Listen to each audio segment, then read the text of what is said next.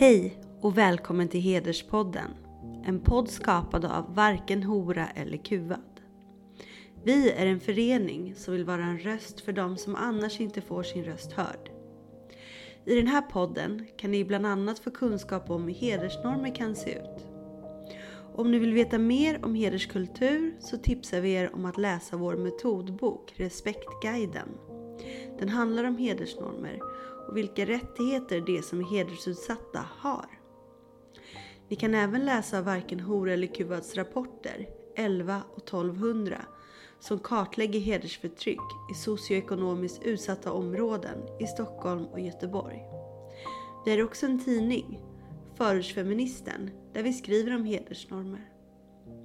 För att ta del av det jag precis nämnt kan ni besöka våra sociala medier eller vår hemsida www www.vhek.se. Där hittar ni även tidigare avsnitt av Hederspodden.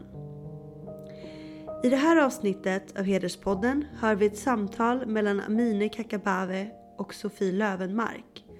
Sofie är bland annat undersökande journalist, debattör och väl insatt i hedersfrågor. I avsnittet får ni ta del av Sofies egna berättelser från hennes barndom som är minst sagt gripande. Samt hennes idéer och tankar om hur samhället kan arbeta mot religiösa skolor som motarbetar jämställdhet och demokrati. Amina och Sofie tar också upp egna erfarenheter och observationer som gjorts under åren i ungas miljö, där hedersvåld och förtryck är väldigt utbrett och där samhället har väldigt lite insyn eller väljer att inte ingripa. Vi vill också passa på att påminna om den kommande kursen Förtryck i hederns namn som varken Hora eller Kuvad anordnar tillsammans med Viskadalens folkhögskola, Arbetarrörelsens folkhögskola i Göteborg och Tankesmedjan Tiden som startar i höst.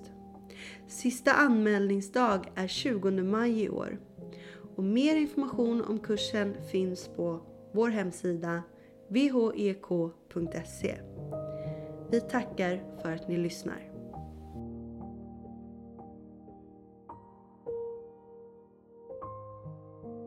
Så jättefin. Vi i eh, Hederspodden Varken hora eller kuvad är jättetacksamma och glada att du ställer upp eh, på det här samtalet eh, om dels om lite grann om dig själv och du är på gång en bok om din barndom och du har också kämpat med oss i Varken hora eller kuvad men också som journalist faktiskt. Du har lyft Eh, en, en hel del frågor där hedersfrågorna och barns utsatthet, kvinnors utsatthet är väldigt centrala i, i det du gör som journalist, också grävande journalist. Så därför eh, tänker jag om du skulle vilja eh, berätta lite för våra lyssnare eh, om dina egna... Eh, ja, du kanske du har inte varit utsatt direkt för hedersförtryck, men du är eh, från den kontexten från början ändå eh, du har väldigt mycket kännedom om problematiken. Ja, eh, ja, jag kan ju berätta lite kort min bakgrund då för de som inte känner till. Jag har pratat om den i en del sammanhang och som du nämnde så, så håller jag på att skriva en bok som jag tyvärr då är lite försenad med, men, men den är absolut på gång. Men eh, min eh, pappa ehm, han kom från Marocko ursprungligen, min mamma var svensk. Ehm, han hade inte varit särskilt länge i Sverige innan de träffades. De eh, blev kära och eh, fick min bror ganska omgående och jag kommer strax efter honom. Ehm, men eh, det kom snabbt in våld i deras ehm, äktenskap. Han misshandlade henne och han gjorde det väldigt allvarligt vid några tillfällen. Så hon eh, fick ligga inne på sjukhus och vi bodde även på skyddat boende vid ett par tillfällen, även jag och min bror. Eh, och eh, sedan lämnade hon honom och ett par månader efter det så sökte han upp oss i vårt hem då som han tidigare hade flyttat ut ifrån. Och så mördade han min mamma där. Då var jag ett år. Fruktansvärt, fruktansvärt. Men du kommer inte ihåg någonting av det? Nej, nej det gör jag inte. Mm. Gör jag inte. Mm. Vi var ju kvar i den här villan i fem dygn ungefär med vår döda mamma men det minns jag ingenting om. Mm. Mm. Fruktansvärt att barn ska bevittna och det hör vi den här veckan, eller de senaste två veckorna, fem kvinnor har mördats här i Sverige mm. eh, av, av, av våldsamma män som har varit gift eller skilt sig ifrån. Det är fruktansvärt, det där liksom fortgår och därför måste man göra någonting. Men det, var, det var inte hedersmord utan det var, det var, det var mäns våld mot kvinnor och, och, och mord i nära relation, eller? Ja, alltså det får man väl säga. Sedan som vuxen då så har jag sökt kontakt med släkt och i Marocko. Eh, och eh, det finns ju klar hedersproblematik i den familjen. Eh, men sen exakt var gränserna går och så vidare, det är väl inte alltid så lätt. Men i första hand får man väl kalla det för våld i nära relationer. Även om det finns drag också, och även i synen på honom och det han gjorde. Men, men sen, sen är du liksom befriat från, från hederskultur och en våldsam pappa. Eh, och du har levt eh, med, med släktingar, eh, och, men du ändå är väldigt nyfiken på att gräva i det här och därför vill du skriva, eller har skrivit den här boken som är lite försenad som du själv sa. Ja, sen mitt intresse för hederskultur just, det kommer då inte från att jag är uppväxt med det, för det är jag ju inte, men när jag började gymnasiet så började jag ett program som heter Textil och konfektion eh, som ligger i Kortedala här i Göteborg, eller låg ska jag säga, det finns nog inte kvar. Eh, och i min, jag hamnade i en klass eh, där alla tjejer, för det var tjejer i klassen, det gick en kille, resterande var tjejer, eh, hade någon form av utländsk bakgrund och eh, där faktiskt samtliga levde under hedersförtryck. Och det här är ju ganska länge sedan, 95, 96. Eh, och deras verklighet den var helt främmande för mig. Jag hade väldigt svårt att förstå eh, alla dessa regler och deras rädslor och eh, allt som visade sig. Det var bröder som kom till skolan varenda dag. Det var flera tjejer i klassen som hade bröder som var där, eller andra släktingar i vissa fall, som var där och liksom övervakade dem och skapade en otrygghet hos, hos tjejerna. Och väldigt många tjejer var som läraren kallade för klockflickor. De hade en viss tid på sig att komma hem från skolan varenda dag. Eh, vilket resulterade i att lärarna lät dem gå från sista lektionen när de ville så att de skulle ha en större marginal att ta sig hem på. Eh, ifall bussen eller spårvagnen var försenad och sådär. En tjej, hon började prata ganska tidigt om hon kände en rädsla för att hon skulle bli bortgift. Eh, jag vet att läraren försökte hjälpa henne. Jag ingen aning om polis eller socialtjänst blandades in. Eh, men det var en, hon hade, kände en väldigt stark oro och försökte få hjälp. Men efter första terminen efter jullovet där så, så var hon inte kvar i klassen och det visade sig att hon hade blivit bortgift med en kusin eh, här i Sverige, i Norrköping vill jag minnas att det var. Eh, men det var väldigt, väldigt påtagligt. Och det var inte lätt för mig att liksom ensam leva på ett helt annat sätt eh, heller för den delen. Det blev en liksom väldigt så. Eh, men det var någonting som fastnade hos mig och som jag då ett par år senare började fundera väldigt mycket på och intressera mig för. Fick du inte frågor i klassen att du ser ut som dem men, men du är fri? Blev det inte sådana diskussioner med tjejerna? Hela tiden. Eh, för vi såg ju, jag såg ju ut som alla andra mer eller mindre. De flesta hade någon form av arabiskt ursprung, var väl lite blandat kanske, men de, de flesta såg likadana ut. Men jag var den enda som sa att jag var svensk exempelvis, fast jag var långt ifrån ensam om att vara född i Sverige. Eh, när jag sa att jag var från Hindås så brukade de skratta och sa nej, du är inte från Marocko. Eh, men sedan då naturligtvis, det fanns en väldig nyfikenhet på hur jag fick leva och har pojkvän, ja det hade jag, han var dessutom svensk, vi fick träffas. Det blev liksom lite två grupper också kring det där. En, en halva liksom försvarade hur de själva levde och argumenterade mot mig, men det där är fel och så ska man inte göra och det är inte bra. Medan den andra kanske tog det i försvar. Men för mig kändes det väldigt konstigt och helt plötsligt bli ifrågasatt för att jag levde ett helt vanligt liv så att säga. Så som jag var uppväxt så var ju allt jag fick göra fullständigt normalt. Liksom nästan hela tiden blir ifrågasatt för det tyckte jag då som, jag var ju ung, jag var ju yngre tonåren. Jag tyckte det var väldigt jobbigt, jag hade svårt att förstå det. Idag så kan jag ju se det med helt andra ögon och jag förstår också att man lätt kan hamna i en försvarssituation, eh, alltså som utsatt tjej. Eh, det tycker jag inte är så konstigt. Nej, faktiskt inte.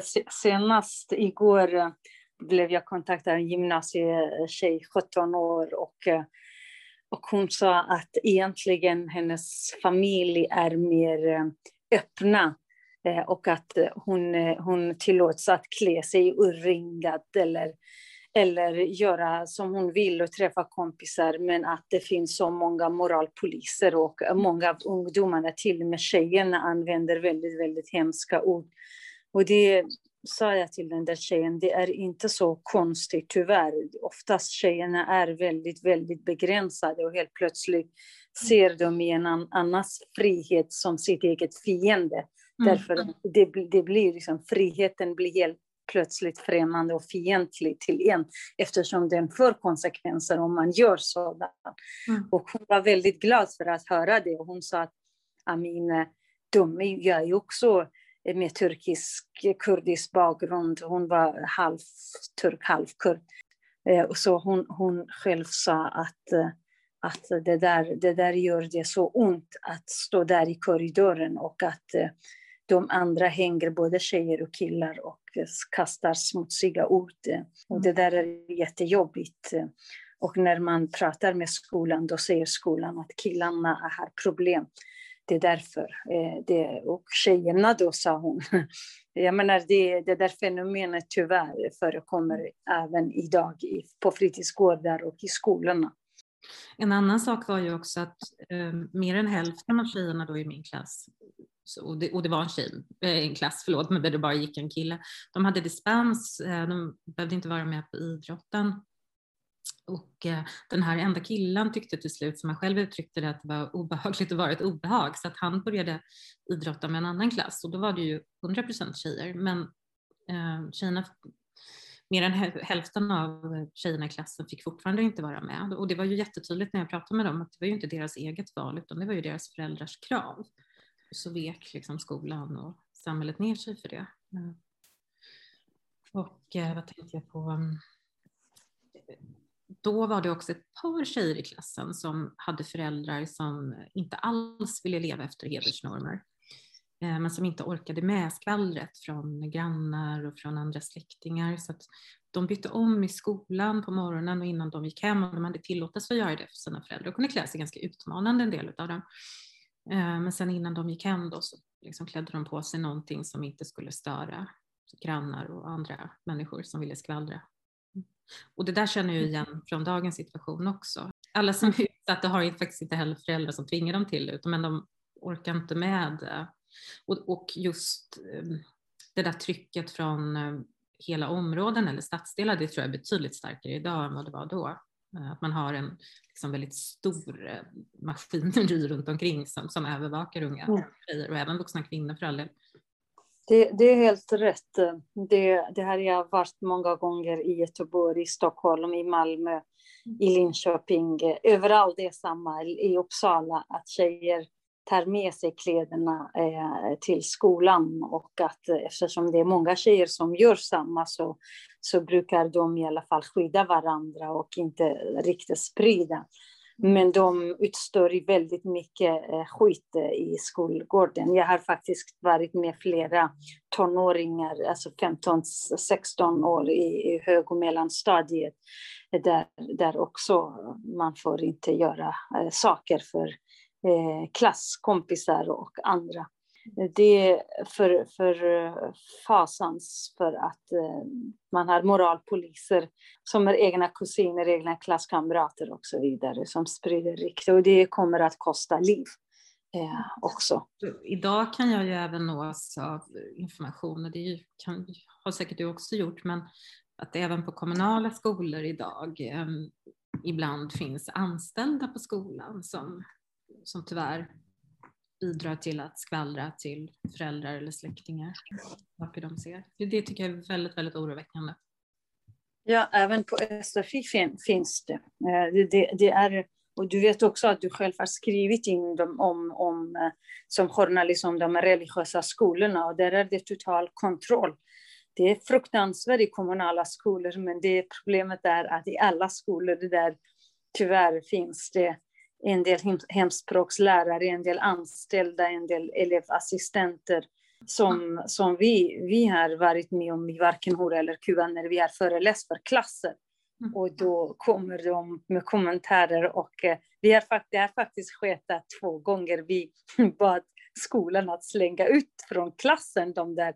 Då var det kontraproduktivt att prata om hedersförtryck. Och de säger nej, det där är svensk skit, skrev, sa de. Vi pratade om respektguiden och där är det faktiskt ungdomar, vi citerade från ungdomar, liksom att kunna tala öppet. Och det, det sker menar jag dagligen och det är med skattebetalarnas goda minne. Det är helt fruktansvärt att man är så okunnig i många skolor och i många liksom, förvaltningar där man anställer människor som ja, upprätthåller hedersförtrycket. Här i Skärholmen, vi skrev ett brev till till, uh, till och med uh, politikerna och stadsdelsnämnden där vi insåg att det finns uh, ja, anställda som upprätthåller hedersförtrycket. Den, mm. faktiskt, den personen inte fick, fick vara kvar, tack och lov. Av någon anledning, inte av den anledningen, men ändå. Då jobbar man någon annanstans, då skiter man fullständigt i svenska lagar. Så det menar jag på att det där är ett problem som är omfattande. Ja, och de religiösa skolorna som du nämnde, de har jag tittat mycket på.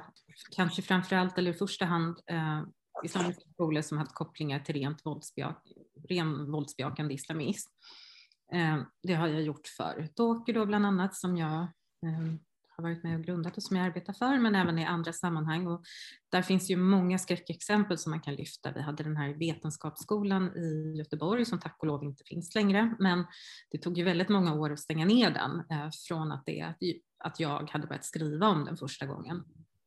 Eh, och eh, ett exempel, eh, faktiskt när Skolinspektionen var på skolan eh, så var det en lektion som hette, det kallades ironiskt nog för lika behandlingstid. Jag tror det var schemalagt en gång i veckan ungefär.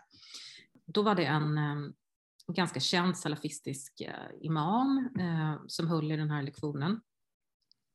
Flickorna var placerade längst bak i klassrummet. Det var en liten barriär byggd till pojkarna längst fram. Och då stod han och talade om att flickors eh, viktigaste roll i samhället är att synas så lite som möjligt och inte vara offentliga. Det var vad de kallade för likabehandling. Sen så med den här skolan så den kan man ju säga hur mycket som helst om och den är tack och lov finns inte längre idag. Men könsseparation exempelvis, det är ju snarare regel än undantag på de här skolorna. Det är inte bra för att uttrycka mig milt. Absolut, det är fruktansvärt. Det är, det är rena, rena diskrimineringen liksom på laglig nivå, även om den inte är laglig, men i en skola där man får faktiskt eh, bedriva verksamhet och där lagligt säger de att flickor inte får vara det. Vi har ju intervjuat flera andra, både till vår, vår förortsfeminist och vi har också aktivister i varken Hora eller Kuba som har gått i sådana skolor där kanske inte ren eh, fundamentalistiskt bedrivs, men själva undervisningen är fundamentalistisk, där, mm. där man har könsapartheid, där flickorna ska sitta bak i klassen och det, det sker än idag och då har man liksom har den här masken, håller masken när det kommer eh, svenska lärare undervisar i svenska. Då har man en regel och så fort de är borta så kommer en, en religiös med en religiös inriktning lärare och säger men allt det här samhället det är smutsigt och det är icke-moraliskt och allt det här. Mm. Och det sker ju idag i, ja, i många, mm. många skolor som är inte de här extremistiska, men det är ju bra att de extremisterna är borta. Jag tycker att alla religiösa skolor, både kristna Livets Ord och, och islamister, tyska skolor, det ska inte indoktrineras i, i vidskepelse. Det måste kunskap och vetenskap gälla. Eh, så. Och att man kan faktiskt ja, lära sig om, om religionernas läran i skolan, vanlig skola som skulle erbjuda mer om alla religioner. Men du har ju skrivit och du, du har ju också kunnat eh, påverka att eh, en hel del eh, skolor och, och, och annat har blivit stängda. Men, men du vet också om att det finns fler, mycket kvar och många skolor som bedrivs Eh, av, av, av, olika föreningar och, och som har inte bara religiös extremism utan också synen på kvinnor och homosexuella och allt. Kan du berätta om detta? Ja, eh, som sagt, jag har ju i, i första hand koncentrerat mig på de här skolorna som har rent våldsbejakande kopplingar. Det har funnits, det finns ett par stycken, nu har väl nog de flesta kanske stängts ner, men eh, och det är, det är, inte bara grundskolor, det är även förskolor och det är även idag också det som kallas för pedagogisk omsorg, eh, så som är dagbarnsverksamhet. Eh, men jag har även tittat liksom lite bredare i huvudsak på islamiska skolor. Eh, men jag har också någon gång jag skrivit om Plymouthbrödernas eh, skola vid något tillfälle. De har också strikt könsseparation. Så det, ja, alla de här skolorna är eh, solklart problematiska eh, tycker jag. Eh, jag, besökte en, jag har besökt väldigt många, framförallt de som ligger i Göteborg eh, själv. Eh, jag var på en skola, den är fortfarande öppen. Där såg jag själv eh, lärare som undervisade i niqab eh, inför klassen. Eh, och då måste man ju fråga sig, jag menar utöver det pedagogiska problemet att eleverna inte kan se sin lärare så, så sänder det ju väldigt starka signaler till unga, både pojkar och flickor, om eh, hur en kvinna då liksom förväntas ska eh, vara klädd exempelvis. Att, att bära niqab, som då, det är ju sådana heltäckande slöjor när man bara ser ögonen i princip det är anmärkningsvärt att se på en svensk skola. Och det är för övrigt förbjudet i många muslimska länder. Ehm, skulle inte vara till, eller det är inte tillåtet där. Ehm. Förutom kanske i Saudiarabien, annars är det faktiskt inte i många religiösa länder där man har niqab. Mm. Nej. Och en annan sak jag funderat mycket på det är hur de här skolorna, exempelvis om de gör oanmälningar när de märker att flickor lever under hedersförtryck. Jag har försökt begära ut lite statistik på det här i Göteborg, men det har inte riktigt varit möjligt. Men jag vågar ändå faktiskt påstå att jag tror att det görs i betydligt lägre utsträckning, om det överhuvudtaget gör alls. Eh, det är en sån sak som man borde titta närmare på. För de som lever under starkt hedersförtryck, deras enda fristad är skolan många av de här, i första hand mm. flickor då, eh, är ju totalbegränsade i övrigt och får inte gå ut. Eh, så skolan är den enda fristaden man har. Och hamnar man då i en skola eh, där, där hedersnormen härskar, då försvinner den enda fristaden och då försvinner det mm. enda skyddsnätet som de här unga har. Helt rätt. Jag menar, även, eh, och, och varför, eh, varför sätter man sina barn i religiös skola om man inte är från hederskulturen?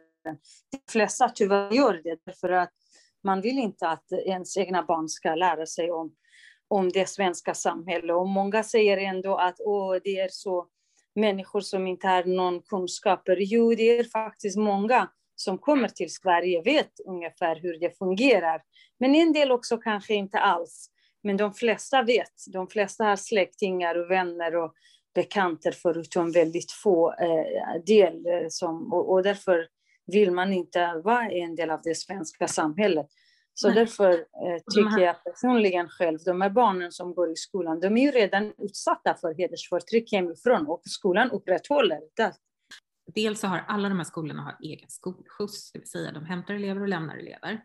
Det är ju en service som de flesta andra skolor inte har, eller i princip kanske inte någon. Det har alla de här skolorna.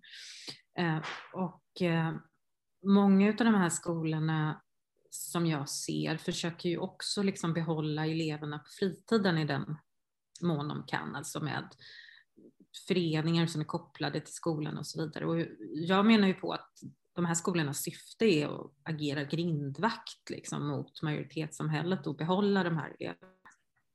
Ja, jag håller med dig fullständigt. Det är jättemånga som är oroliga därför att också de här religiösa ah, skolorna och, och eh, samfunden har så många organisationer som de eh, skriver in och det är eh, vi, till exempel, vi intervjuade en tjej, hon sa att eh, de nämnde att vi hade typ kulturskola på söndagar, men vi, vi hade faktiskt koran, koranläsningar.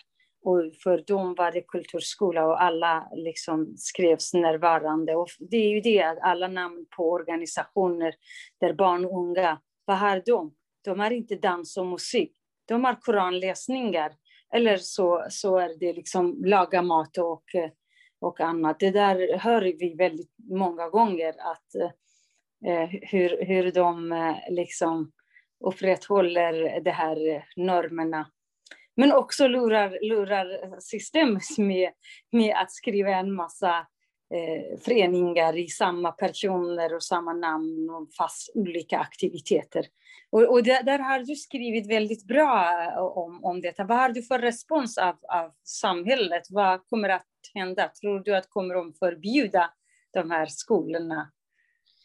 Skolorna, jag önskar att jag kunde svara ja på det, men eh, mm, jag vet inte. Det ser ju lite... Mm. Men... De, har, de har för, inte förstått det, därför att de politiker som fattar beslut om detta, deras barn går inte i de skolorna. De själva aldrig är i närheten av, av sådana skolor och samhälle.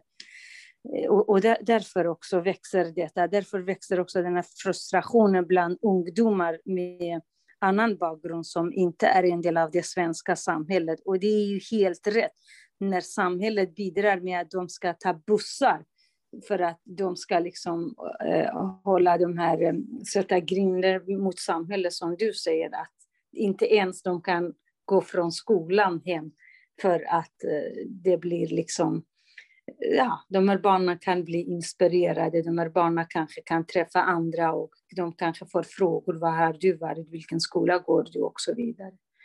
Så på så sätt verkligen. Och jag tror också att trycket kan vara rätt stort, alltså att det sätts press på föräldrar dessutom att, att sätta sina barn på flera av de här skolorna. Det har jag själv fått indikationer på. Exempelvis, det är ett extremexempel då, men en förskola här i Göteborg som hade kopplingar till våldsbejakande islamism eh, som kommunen lyckades eh, stänga ner, den drog in tillståndet. Men då återuppstod den, fast då helt plötsligt som pedagogisk omsorg istället, för där är eh, där är regelverket mycket liksom lösare och lättare än vad det är om man ska driva en förskola. Eh, men det var samma personal, det var samma lokaler, allt var detsamma så att säga. Eh, och då ringde faktiskt flera personer till mig som bor ute i förorten här och, och var jätteoroliga och rädda och förklarade att ett par av de här anställda kvinnorna där hade gått runt och knackat dörr och sträckt fram kommunens blankett och sagt att nu ska ditt barn börja här hos oss. Eh, och så förklarar de för mig att vi vet om vilka de här kvinnorna är och vi vet om att deras män är IS-återvändare och människor blir rädda och de vågar inte säga nej. Eh, den typen av liksom, extrem problematik tycker inte jag kommer fram tillräckligt mycket. Jag tror inte tillräckligt många är medvetna om hur det kan se ut och fungera. Mm. Men jag tror även att det finns liksom på ett tryck om att eh, sätta sina barn även på de andra skolorna som kanske inte är liksom extrema på det sättet, men som ändå är problematiska så att säga. Mm. Ja, absolut. Det var ju nyss som eh, i veck förra veckan sa man på nyheterna att det är betydligt fler kvinnor involverade i Daesh och islamistiska statens, liksom där de stöder från Sverige. Det var ju nästan 300-tal kvinnor sa man. Att det, det, kvinnorna har en viktig roll i, i det här. Att eh, att gå runt och folk, som du säger, bli antingen inspirerade eller en del också väldigt rädda. För att om man inte gör som de säger, då får det konsekvenser hemma för släktingar.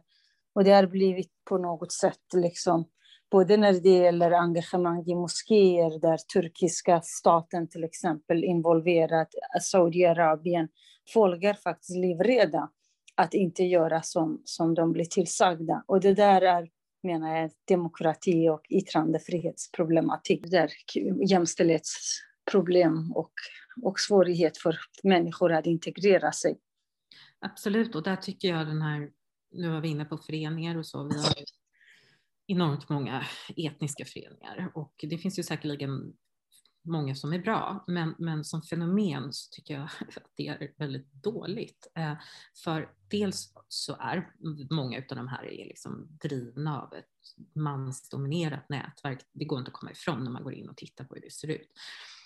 Eh, som jag menar reproducerar hedersnormer exempelvis. Men det blir också en väldigt liksom en inre segregation i utsatta områden där man hela tiden förväntas umgås efter sin etnicitet. Eh, Eh, som jag tror är väldigt negativ. Och jag tror också att det liksom ökar tendensen att, att stanna kvar i hemlandets konflikter och um, så. Ja, men det är ju helt rätt.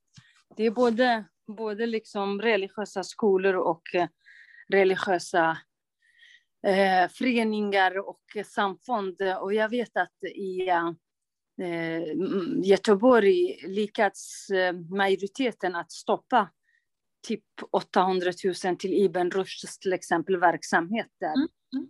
Eh, och, och, det är ju ett exempel på att samhället också kan faktiskt lyckas när politikerna vågar. Kan du berätta om att, för det här handlar inte bara om ex, alltså extremism, utan det finns också att ha predikanter och att, att flyktingspionage och annat. Allt liksom påverkar att människor blir långt, långt ifrån det svenska samhället och integration. Kan mm. du berätta om orsak och verkan och allt det här? Från svenskt håll så är det helt godtyckligt hela tiden, hur ska jag säga? Om vi tar Ibn Rushd här i Göteborg som ett exempel eh, som då staden har granskat lite närmare, en extern rapport och några interna rapporter som samordnare mot våldsbejakande extremism och avdelning mot organiserad brottslighet och så har varit inblandade.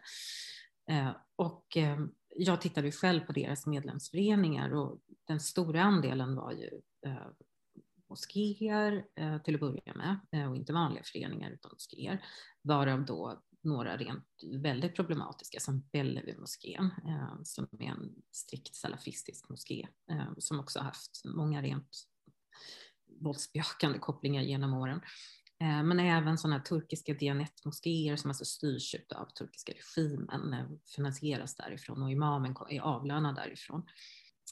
Det är väldigt konstigt om ett studieförbund bedriver sina studietimmar i Bellevue-moskén kan jag tycka. Eh, men den verksamheten som försiggår där mm, får de ju finansiera själva så att säga. Men, Men tycker, tycker, du att man ska finansiera från andra, andra stater? Borde, borde inte vara förbjudet att andra stater har inflytande? Det tycker jag definitivt. Eh, och det har ju Danmark exempelvis ganska nyligen här, eller jag vet inte om det har gått igenom ännu, det är på väg i alla fall. Ett förbud mot eh, utländsk eh, finansiering av moskéer. Det tycker jag vore en väldigt bra väg att gå. För de här pengarna som kommer från Gulfstater eller Turkiet eller vad det kan vara. Det är klart att de, de lämnas ju inte bara godtyckligt utan det är ett sätt att styra den verksamheten i en viss riktning. Eh, så det tycker jag definitivt borde förbjudas. Eh, det skulle ge en annan, eh, ja, en annan inriktning skulle jag tro, men också kanske en annan insyn liksom, det är ju hela tiden konsekvenser för vår demokrati, för integration, för barn och ungdomars och kvinnors rättigheter. Det är ju därför vi diskuterar de här aspekterna, de här svårigheterna att vara liksom slappa och, och, och att eh, naiva och att tro att det här handlar enbart om tron, att om, om Gulfstaterna eller Turkiet eller Iran för den delen stödjer, det innebär inte att enbart, enbart för att man, människor ska tro. Det är ju stater, det är religiösa diktaturer dessutom. De, de, de, de styr människors tro. Människor kan tro faktiskt vad de vill. Men varför staten tillåter att diktaturer där människor har flytt ifrån Men de ska ha inflytande i Sverige. Det är det som jag själv har i 20 år liksom drivit och undrar. Hur kan man vara så naiv? Mm. Ja, visst är det så. Det finns stor naivitet i många av de här fallen i Sverige. Mm. Ja, så har, har du något, eh, något mer som du vill eh, berätta om, om din eh, grävande journalistik och om liksom hedersfrågorna i Göteborg, hur, hur ser det ut idag? Har man liksom ordentligt med, med kartläggningar eller med, med handlingsplaner? Vi gjorde ju den här 1200 i Göteborgs förorter och vi liksom varnade redan 2017 för både radikalisering och för hedersförtryck och, och fundamentalism som hänger ihop. Men man verkar nu kommit in med en ny rapport om... Mm. Uh, har du koll på det mer? Som du skulle berätta lite. Ja, eh, och det var ju väldigt bra att den rapporten kom, för det behövs ju en betydelse. För, den, för de som arbetar med de här frågorna och kan de här frågorna så var det ju kanske inte något nytt direkt, men för den stora, för de flesta är det nog det, så det är väldigt viktigt att den här typen av kunskap och rapporter verkligen kommer fram. Det behövs verkligen mer utav den varan. Eh, att, eh, att det finns överlappningar hela tiden mellan de här, det är alldeles uppenbart. Så det behöver ju verkligen liksom lyftas mer. Det är ju inte, det är viktigt, inte minst eh, sett till hur man ska mm, liksom motverka den här problematiken. Ja, det var ju speciellt också i Göteborg där du själv har skrivit om till exempel och efter så många år kommer man fram till sådana rapporter. Det är ändå bra början. Sen i det förebyggande arbetet, du nämnde handlingsplan exempelvis. Göteborg tog fram en handlingsplan som de kallade den mot hederskultur. Men, och det var en vals, eh, politisk vals fram och tillbaka. Den första som kom eh, ägnade sig mest åt att problematisera begreppet kring hederskultur och vad det är och vad det inte är och, och sådär. Eh, väldigt så ängsligt och eh, eh, ur eh, liksom, liksom, liksom, ideologisk bas på något sätt. Eh, sedan numera finns det en handlingsplan då, men jag tror inte jag har läst den. Eh, jag tror inte att den kommer förändra något. Eh, jag tror att det är andra former av, av åtgärder som behövs komma, komma fram. Jag håller själv på med eh, jag går igenom alla LVU-ärenden tid tillbaka som är hedersrelaterade som jag själv ska sammanställa eh, till en rapport. Väldigt intressant. Mm. Tittar du på domar som har varit eller socialtjänstens omhändertagande? Eller? Ja, precis. Okej, okay. både, både och. Omhändertagande som har gjorts eller när en socialnämnd ansöker om ett uh, omhändertagande när det har varit i domstol i förvaltningsrätten. Okej, okay. det är baserat på om du menar det är hedersrelaterad eller inte? Ja, jag tittar på de som är hedersrelaterade. Väldigt, väldigt intressant, väldigt viktigt. Ja, ja. Och jag är inte alls färdig med den, så jag kan liksom inte dra alla slutsatser så hittills. Men en sak som jag ser är det väldigt mycket våld i de här ärendena, ett systemat, systematiskt våld och närmast besinningslöst våld i, mellan varven. Ehm, det kan mm. göra mig lite orolig om, om det liksom på den nivån som ska krävas innan, innan det blir liksom ett uh, omhändertagande. När det gäller omhändertagande så socialen kommer tyvärr inte in i tidigt skede. Du har helt rätt i det förebyggande arbetet är så centralt. Borde vara centralt. Och, men, men det ser jag verkligen fram emot att läsa. Även om det är hemsk läsning säkerligen. Och... Det finns väldigt finns naturligtvis en massa olika spår man kan se där och eh, mycket som väcker frågor. En sak är ju att bröder är ju ofta inblandade i den mån det finns bröder och eh, deras våld mot systrar kan ofta vara sanktionerat av föräldrarna. Men jag tror att insatser gentemot de här bröderna sker i väldigt liten utsträckning. Det är en sak som man borde diskutera mer. För om man fostras in i att bli en förövare på ett eller annat sätt från barnsben så det är ju någonting, eh, liksom, ett problem som kommer att, eh, att stå i sig då, liksom längre fram så att säga. Eh, det borde man verkligen titta på. En annan sak som jag har sett som kanske förvånade mig lite, det är att mödrar i väldigt, väldigt hög utsträckning både utöva våld eller liksom sanktionera det. Faktiskt mer än vad jag trodde. I hederskulturen är eh, kvinnorna centrala att mm. både utöva våld och eh, också upprätthålla tradition och kultur. Såklart att där, där är det skillnaden och därför fortfarande finns löjliga och naiva politiker som, som tycker att eh, mäns våld mot kvinnor det är det enda och man ger det är bra med att ge kvinnojourer och tjejjourer verkligen allt och all, all hjälp och stöd. Men det går inte att alla utsatta flickor som är utsatta för pappa mamma, brödernas våld, att de ska sättas i kvinnojourer. Det går inte, man måste göra på annat sätt, förebygga det. Så det är det där dilemman som vi fortfarande kämpar emot.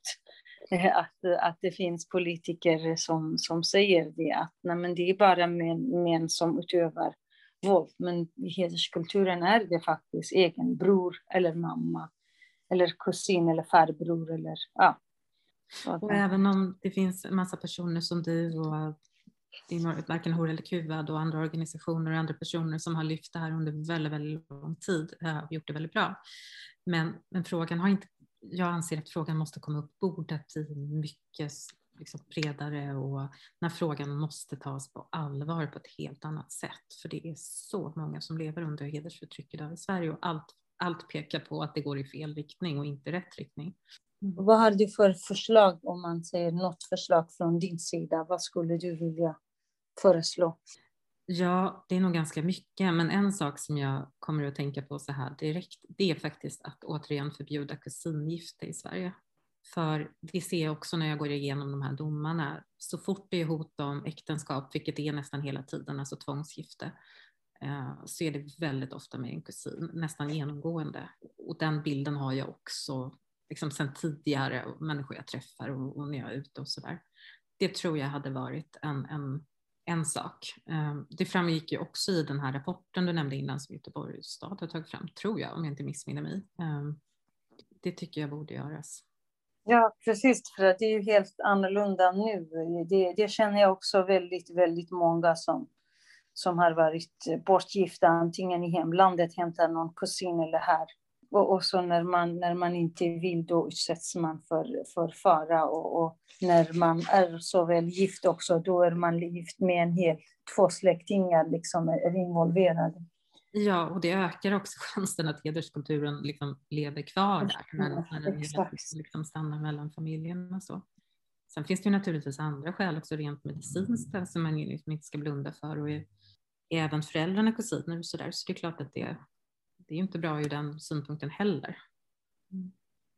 Men, men det är en sak. Eh, men jag, jag kommer nog, eh, när jag är färdig där med mitt arbete och, och kanske redovisa lite fler förslag. Absolut, och då får du återkomma igen, att vi får intervjua dig. Du får berätta om din, eh, din rapport som vi ser väldigt mycket fram emot. Och tack Sofie för ditt arbete och ditt engagemang och din liksom också yrke inom journalistiken. Du har eh, öppnat mångas öron och ögon och att idag faktiskt tack vare ditt arbete man har kunnat till exempel stänga religiösa skolor och eh, en del, en del andra verksamhet. Så det, det behövs. Det är sorgligt att det ska vara på detta sätt. Men att det inte är självklarhet att alla barn och unga och alla människor ska ha samma fri och rättigheter oavsett religion, och kultur och tradition. Jättefint att eh, du har kunnat ställa upp. Om du har något mer att säga annars vi kan stanna här. Tack så jättemycket för att jag fick vara med och tack så jättemycket själv för ditt fantastiska arbete.